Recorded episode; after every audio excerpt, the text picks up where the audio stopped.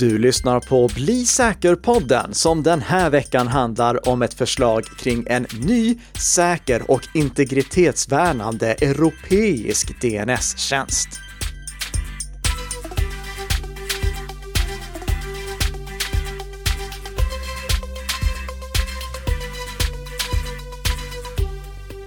God morgon, god morgon Tess! Och en snabb fråga, slog jag precis rekord i antalet adjektiv jag fick in i inledningen där? Jag tror det, jag reagerar också på det. Ja. Mm. Snyggt! Ja, eh, och god morgon alla kära lyssnare som tunar in Bli säker-podden så här på fredagsmorgonen för att lyssna på Tess och Nicka i en podd som produceras i samarbete mellan Nicka Systems och Bredband2 och som på grund av dessa coronarestriktioner har en, ja, sån här, för mig lite, lite tom känsla faktiskt. Det är test, du är fortfarande inte här.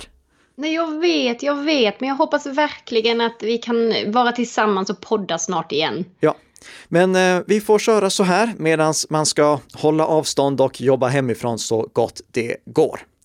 Förra veckan, då pratade vi bland annat om eh, den här läckan som fanns i eh, alla iOS-webbläsare och Safari på Mac OS. Nu kan vi följa upp med att glädja våra lyssnare med att Apple har patchat det. I eh, onsdags kväll, då släppte de uppdateringar till Mac OS och iOS och iPad OS som åtgärdar den här bristen så att man inte läcker sin webbhistorik längre. Jag rekommenderar självfallet att ni uppdaterar snarast möjligt, inte bara på grund av det här, utan också för att eh, sårbarheter i, eh, eller det fanns ytterligare sårbarheter i de här operativsystemen, däribland en till nolldagars sårbarhet i iOS som eh, Apple till och med har sett att utnyttjas i attacker. Så patcha på, uppdatera och håll era mobiler, surfplattor och datorer trygga och säkra. Yes, Härligt. Då är det dags för veckans snabbisar. Vad har vi som första nyhet? Ja, då lämnar vi iOS-landet och går till Android-landet istället. För mm. under den gångna helgen, då var det några medlemmar i eh, vår Facebookgrupp Säkerhetsbubblan som noterade att användare av Android-mobiler hade fått upp varningar för att Swedbanks och Comvix appar skulle vara infekterade. Det dök upp rutor där det stod säkerhetshot. Swedbank verkar vara smittad. Omedelbar avinstallation rekommenderas. Och samma sak för Comvix app. Ja, den blir man ju ganska skraj för ja, ifall... det låter ju allvarligt liksom. Sannerligen. Men det visade sig att det här var eh, ett false positive, alltså en, en falsk varning. Det här var inte någonting som verkligen var infekterat. Jag eh, laddade ner de aktuella versionerna av eh, Swedbanks app och Comvix app och körde dem genom Virus Total. Du vet den här multiskannen som skannar applikationer med alla möjliga olika antivirusprogram. Mm. Och inget antivirusprogram som var med i Virus Total hittade några spår av infektioner. Så jag kunde konstatera det här, det är bara ett falsklarm. Falsklarm är någonting som alla antivirus dras med. Det, det, är någonting som man inte kommer ifrån för att alla antivirus måste göra en avvägning kring vad de ska varna för. Om eh, de är lite osäkra, då måste de liksom balansera för att om de varnar för ofta då blir det som pojken som ropar varg, att mm. användare slutar bry sig. Och om de varnar för sällan, då kanske mobilen är infekterad. Så det, det är svårt för dem och därför händer det att eh, antivirus falsklarmar. Det är också någonting som till exempel AV Comparatives, eh, den här fristående antivirustestarorganisationen, väger in i sina tester. De testar hur ofta olika antivirus, inklusive Android antivirus, falsklarmar. Och här var det då en olycklig kombination som gjorde att många drabbades. Det var eh, det inbyggda antiviruset i Huaweis mobiltelefoner som falsklarmade och det var mm. två vanliga appar som det falsklarmade för, Swedbanks och Convix. Så Swedbanks kundtjänst blev ju totalt nerringd när alla, eh, eller inte alla, men när många Huawei-mobilägare plötsligt fick upp den här varningen för att deras bankapp var infekterad. Ja, jag kan tänka mig det alltså. Ja. Men eh, det var som sagt bara falsklarm. Det, det fanns några som rapporterade på Twitter också, vilket jag inte har kunnat bekräfta, att eh, deras mobiler som inte kom från Huawei var eh, också påverkade. Att de hade fått upp den här varningen på till exempel en Samsung-mobil. Och jag, jag tror att det i så fall, om det nu stämmer överhuvudtaget, så beror det på att de har installerat något tredjeparts antivirus. Alltså de har själva installerat ett antivirus mm. på sin mobil utöver Google Play Protect som finns som standard på Android-mobiler. Och, och då har troligtvis Huaweis antivirus och det antiviruset de använde haft en gemensam signaturdatabas, alltså en gemensam databas som används för att identifiera olika typer av skadeprogram eller en gemensam skanningsmotor. Det här är jättevanligt i antivirusbranschen att det, det, liksom alla antivirusutvecklare har inte sina egna databaser och sina egna skanningsmotorer utan de köper in det av varandra. Så mm. jag, jag, tror att det är någonting sånt som har inträffat i så fall. Men oavsett vad, jag, jag kollade som sagt versionerna som låg i Google Play. Det fanns inga spår av infektioner där, så det här var bara ett falsklarm och inte någonting som man behöver oroa sig för. Mm. Men låt oss springa vidare då. Ja, lite mer eh, skadeprogram, eller kanske både skadeprogram och phishing. Ja, exakt. För sedan den 20 januari så har Google börjat rulla ut en ny funktion i Google Drive som varnar användare för potentiellt nätfiskepreparerade filer. Och det rapporterar Bleeping Computer. Det finns en liknande funktion sedan tidigare som varnar för just virus och trojaner, men nu adderar alltså Google även nätfiske. Den nya funktionen innebär att Google automatiskt granskar filer som någon utanför en organisation delar med en användare inom en organisation. Eh, om nätfiske eller skadlig programvara upptäcks så blockerar Google användarens åtkomst till filen och när en användare sen försöker öppna den här skadliga filen så dyker det upp en gul varningsbanner som meddelar att filen kan vara nätfiskepreparerad och kan användas för att stjäla personlig information. Funktionen det är ett steg i Googles arbete med att skydda användaren mot skadligt innehåll och funktionen presenterades i samband med förra årets upplaga av Google Cloud Next-konferensen. Och den har alltså redan börjat rullas ut och förväntas vara tillgänglig för alla som har Google Workspace och G Suite inom de kommande veckorna. Så vad ska man då tänka på här Nika? Om man får upp en sån här varningsbanner i Google Drive till exempel, vad ska man göra? Då ska man ta det på fullaste allvar.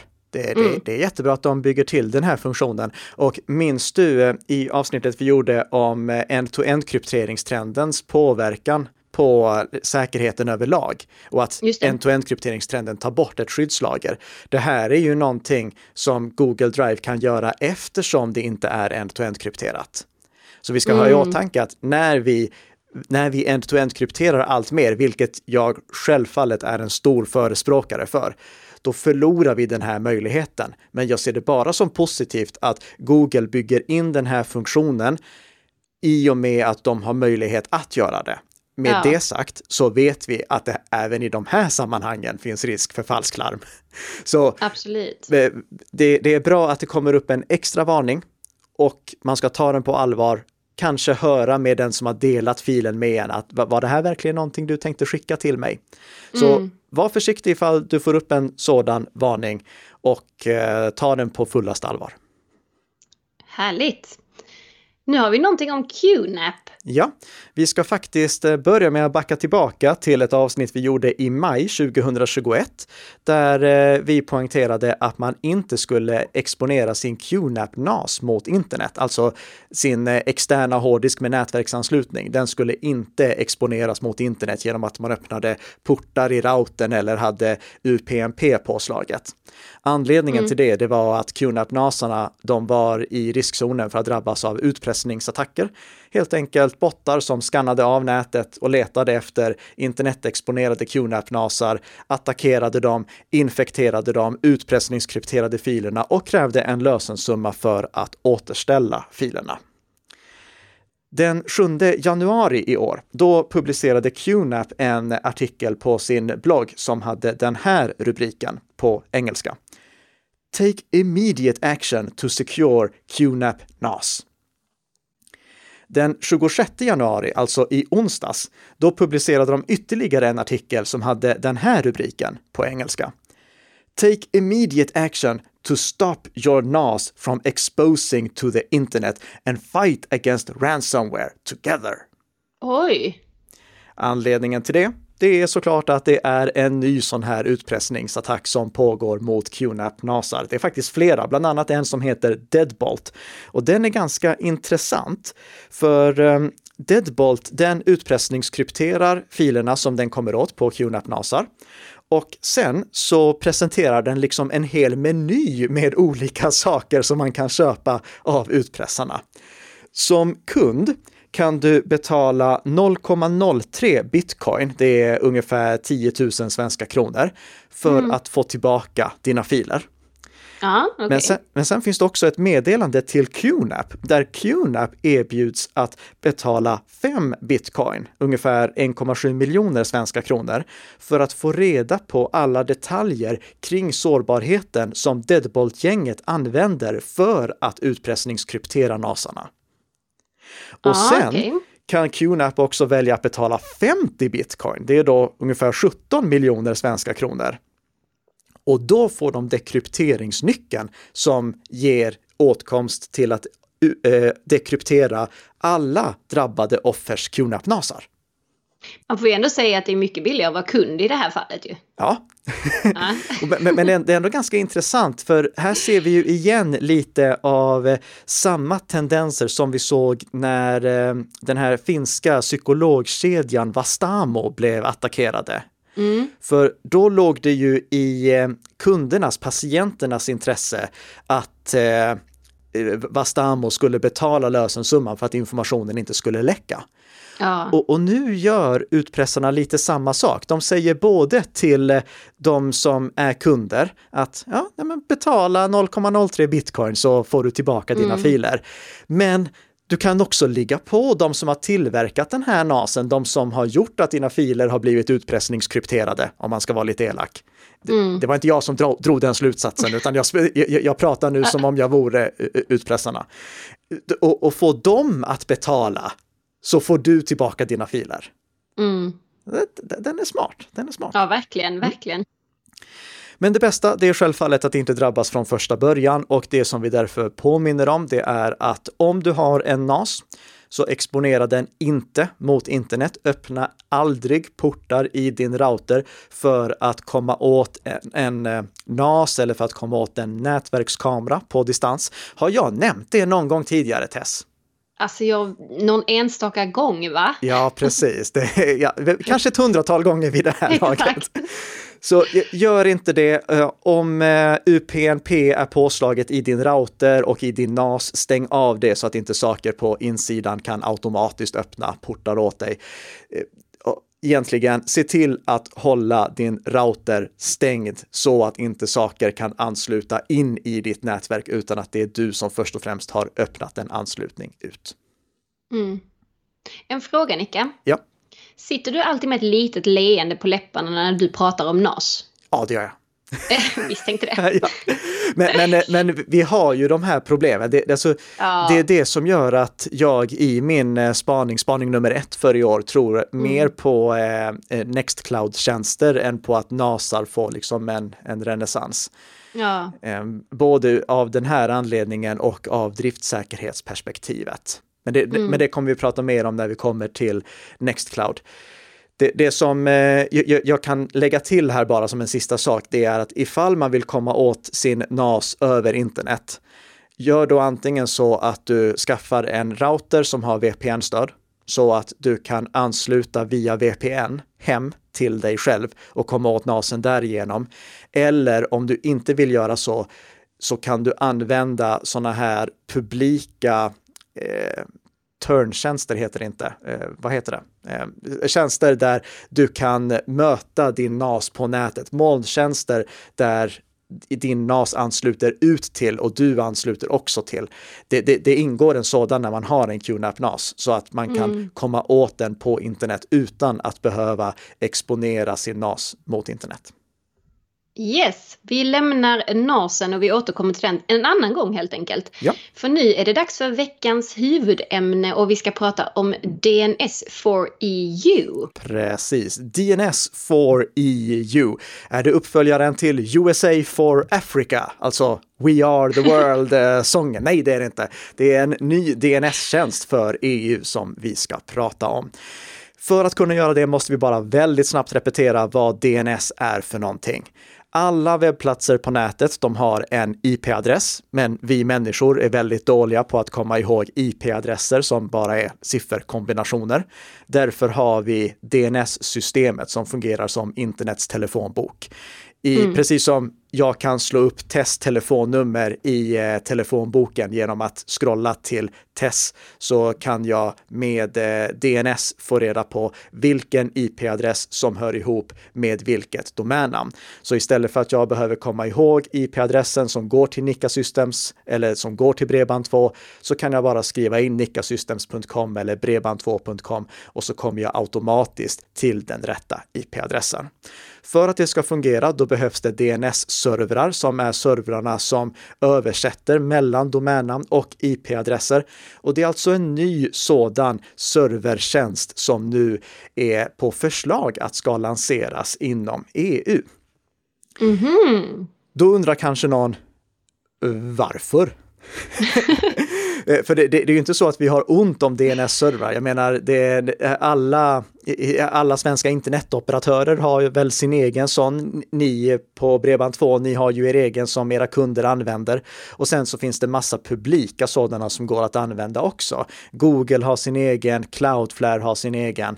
Så det finns redan många olika. Men nu vill då EU på förslag skapa en egen sådan. Och det är för att de publika alternativen som finns till operatörernas egna, de är ju väldigt ofta från amerikanska bolag.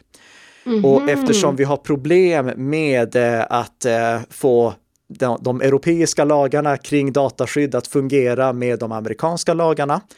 Förresten, grattis på dataskyddsdagen, det har jag inte sagt. Grattis på internationella Nej. dataskyddsdagen, det firar vi! Woho! Ja, kul! Ja. Torsdag sen. Ja, mm.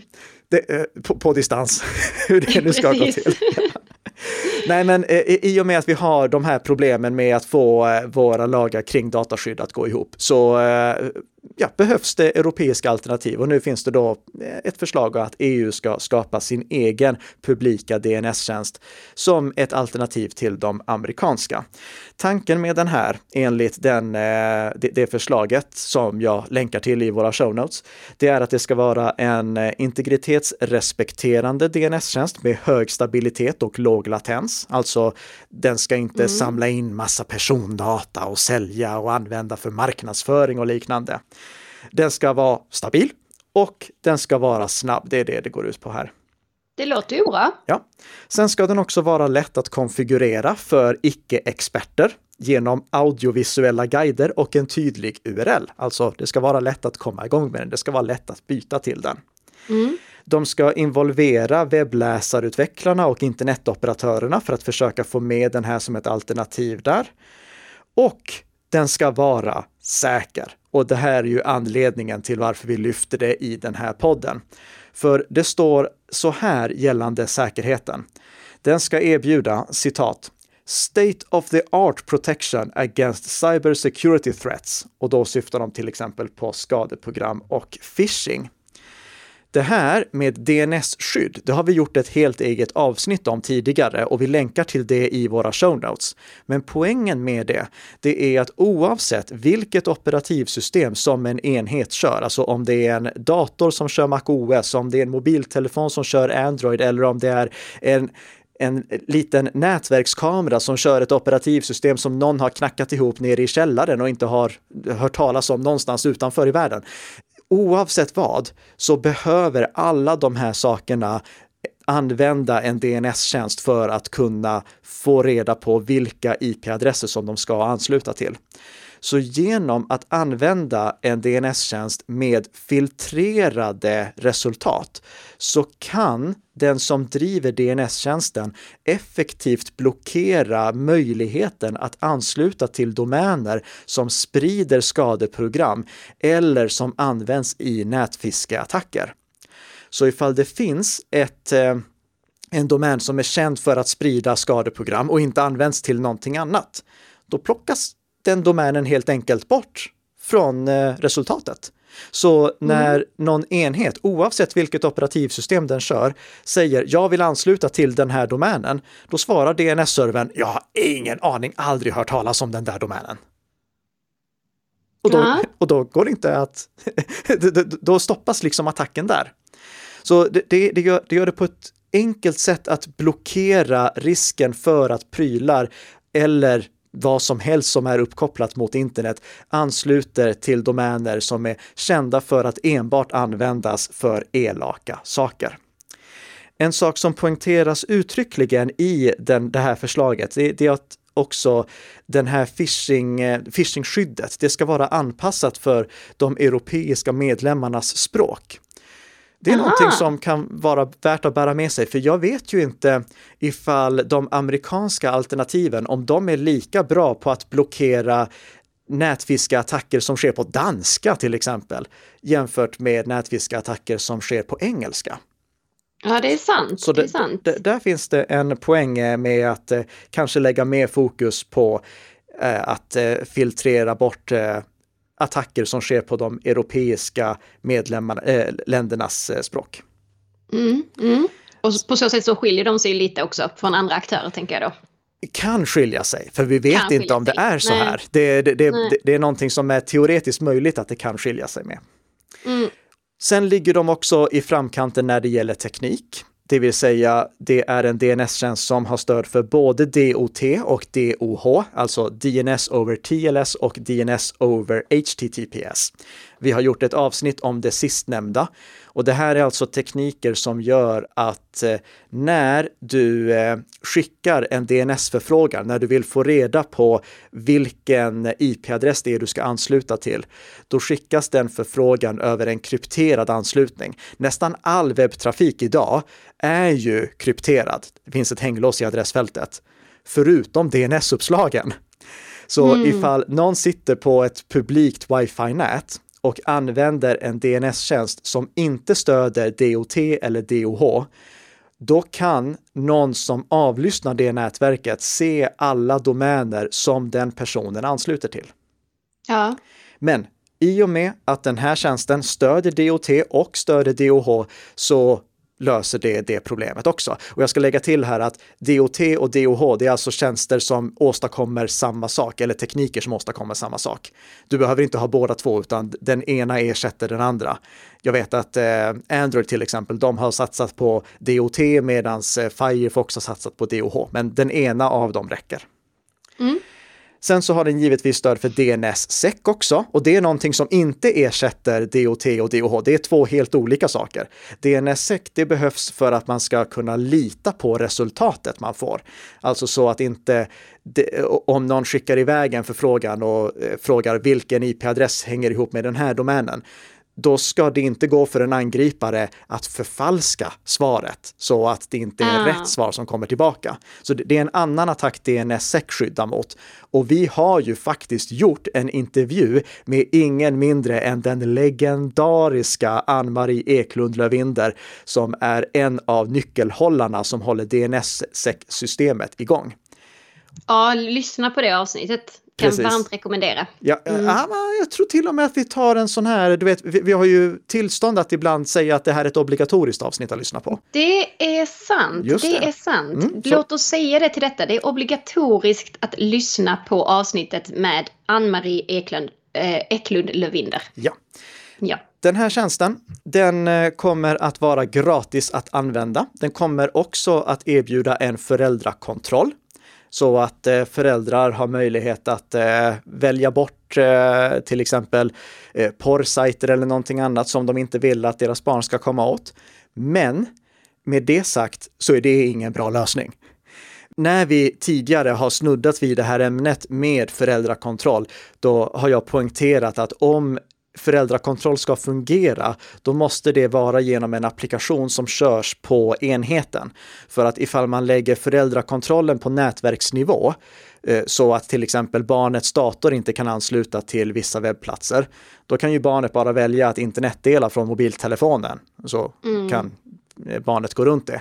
Och ännu sämre är att lägga det på DNS-nivå, för i så fall kan barnet bara välja en annan DNS-tjänst som inte blockerar de här uppslagen. Så föräldrakontroll är inte det lämpligaste att lösa genom en sån här eh, DNS-tjänst, utan vill man ha föräldrakontroll så bör det ligga i eh, den enskilda, i, i mobilen eller i datorn. Mm. Och sen givetvis huruvida föräldrakontroll är lämpligt att använda överhuvudtaget för att lösa de här problemen som många vill lösa med föräldrakontroll. Det har jag ingen aning om, men det är någonting som man kan fundera på, för det är inte säkert att blockering är den rätta vägen framåt i de sammanhangen. Nej. Om det här förslaget går igenom så kommer eh, den här tjänsten också ha lite premiumalternativ för företag där företag får möjlighet att eh, monitorera deras eh, medarbetares DNS-uppslag och även lägga till egna filtreringar. Det här är alltså eh, som den tjänsten som ni på Bredband2 erbjuder med Cisco Umbrella. Mm. Där det är en företagsanpassad DNS-tjänst så att den som är administratör kan anpassa DNS-filtreringen utifrån organisationens behov och lägga till egna undantag och sånt som behövs också. Någonting som inte går att göra med en vanlig publik DNS-tjänst. Ja, så det här blir en liten konkurrent till den helt enkelt då? Ifall eh, det här förslaget går igenom, ja. Precis. Mm. Sen kommer vi till den lilla kryddan som gör mig lite orolig för det här förslaget. Och det är närmare bestämt punkt 2.3.12 som jag nu tänkte läsa upp ett citat från på engelska.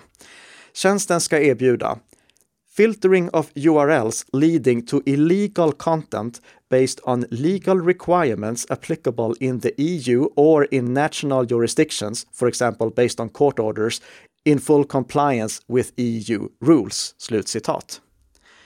Det här är alltså någonting som jag tror är tänkt att användas för att blockera barnporr och kanske för att blockera terrorism. Men det mm. där, det, det kan det ändå glidas rejält på den. Eh, det här skulle kunna innebära att eh, även kanske saker som eh, piratkopiering blockeras. Mm. Det, det, det, står inte specifikt i eh, det här förslaget vad eh, filtreringen ska kunna göra, men det är någonting som vi bör vara uppmärksamma på. Framförallt då att det står att det här ska kunna blockeras baserat på domstolsbeslut. Absolut. Men med det sagt så kommer det ju inte vara tvingande att använda den här DNS-tjänsten. Det här är ju en kompletterande DNS-tjänst, någonting som tillkommer utöver de DNS-tjänsterna som redan finns idag. Men finns det någon motsvarighet i Europa? Ja, det gör det. Ja. Och det är det som gör att jag inte riktigt förstår behovet av den här DNS-tjänsten. Men med, med, det sagt, alltså mm. ju fler DNS-tjänster vi har, desto stabilare blir internet. Så jag säger inte att det är dumt. Vi, vi, kan fråga huruvida vi ska lägga skattepengar på det. Det är en diskussion som jag inte ens tänker ge mig in i.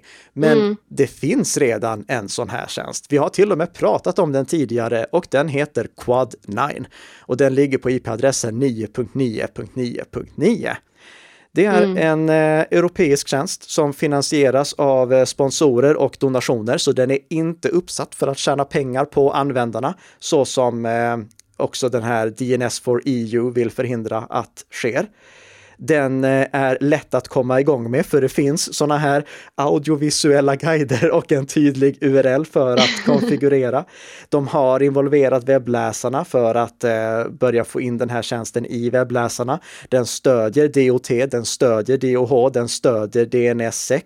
Den filtrerar bort skadeprogram eller eh, förlåt, den filtrerar bort domäner som är kända för att sprida skadeprogram. Går att slå av ifall man vill det, men det är påslaget som standard. Och den är eh, europeisk. Det, ja. äh, alltså, det, den är inte från EU, den är från Schweiz. De har sitt säte i Schweiz.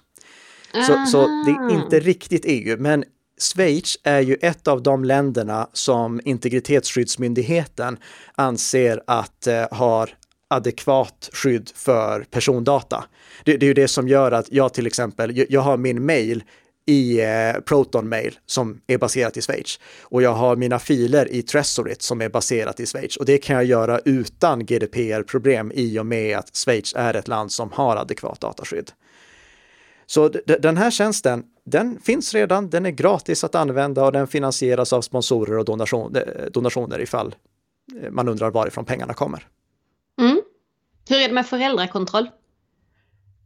Det, det nämnde du inte. Det vet jag inte. Jag tror inte Nej. att den har det. Det, det, det, det, det, kan hända att den har det, men oavsett vad ska man inte använda det. Nej, mm. nej. Så det spelar egentligen ingen roll. Nej. Nej. Men vad är det då man ska nu när vi ska sammanfatta det här då? Så vad ska man ta med sig efter det här avsnittet? Att eh, det kommer fler och fler bra DNS-tjänster. Man kan filtrera bort skadeprogram på DNS-nivå. Ifall man vill göra det redan nu så kan man använda Quad9 och ifall man är nyfiken på det här projektet som sker på EU-nivå så det heter det alltså DNS for EU och det kommer säkerligen att skrivas mer om det baserat på eller beroende på vad som händer med förslaget. Vi har säkert också anledning att återkomma till det ifall förslaget går igenom och då får man ju reda på det automatiskt ifall man bara bara väljer att prenumerera på Bli säker-podden. För då, hör och häpna, Bli säker-podden-lyssnare, då får ni automatiskt ett nytt avsnitt av Bli säker-podden varje fredagsmorgon som gör er lite säkrare för varje vecka som går. Tack så mycket för att ni har lyssnat och trevlig helg! Trevlig helg!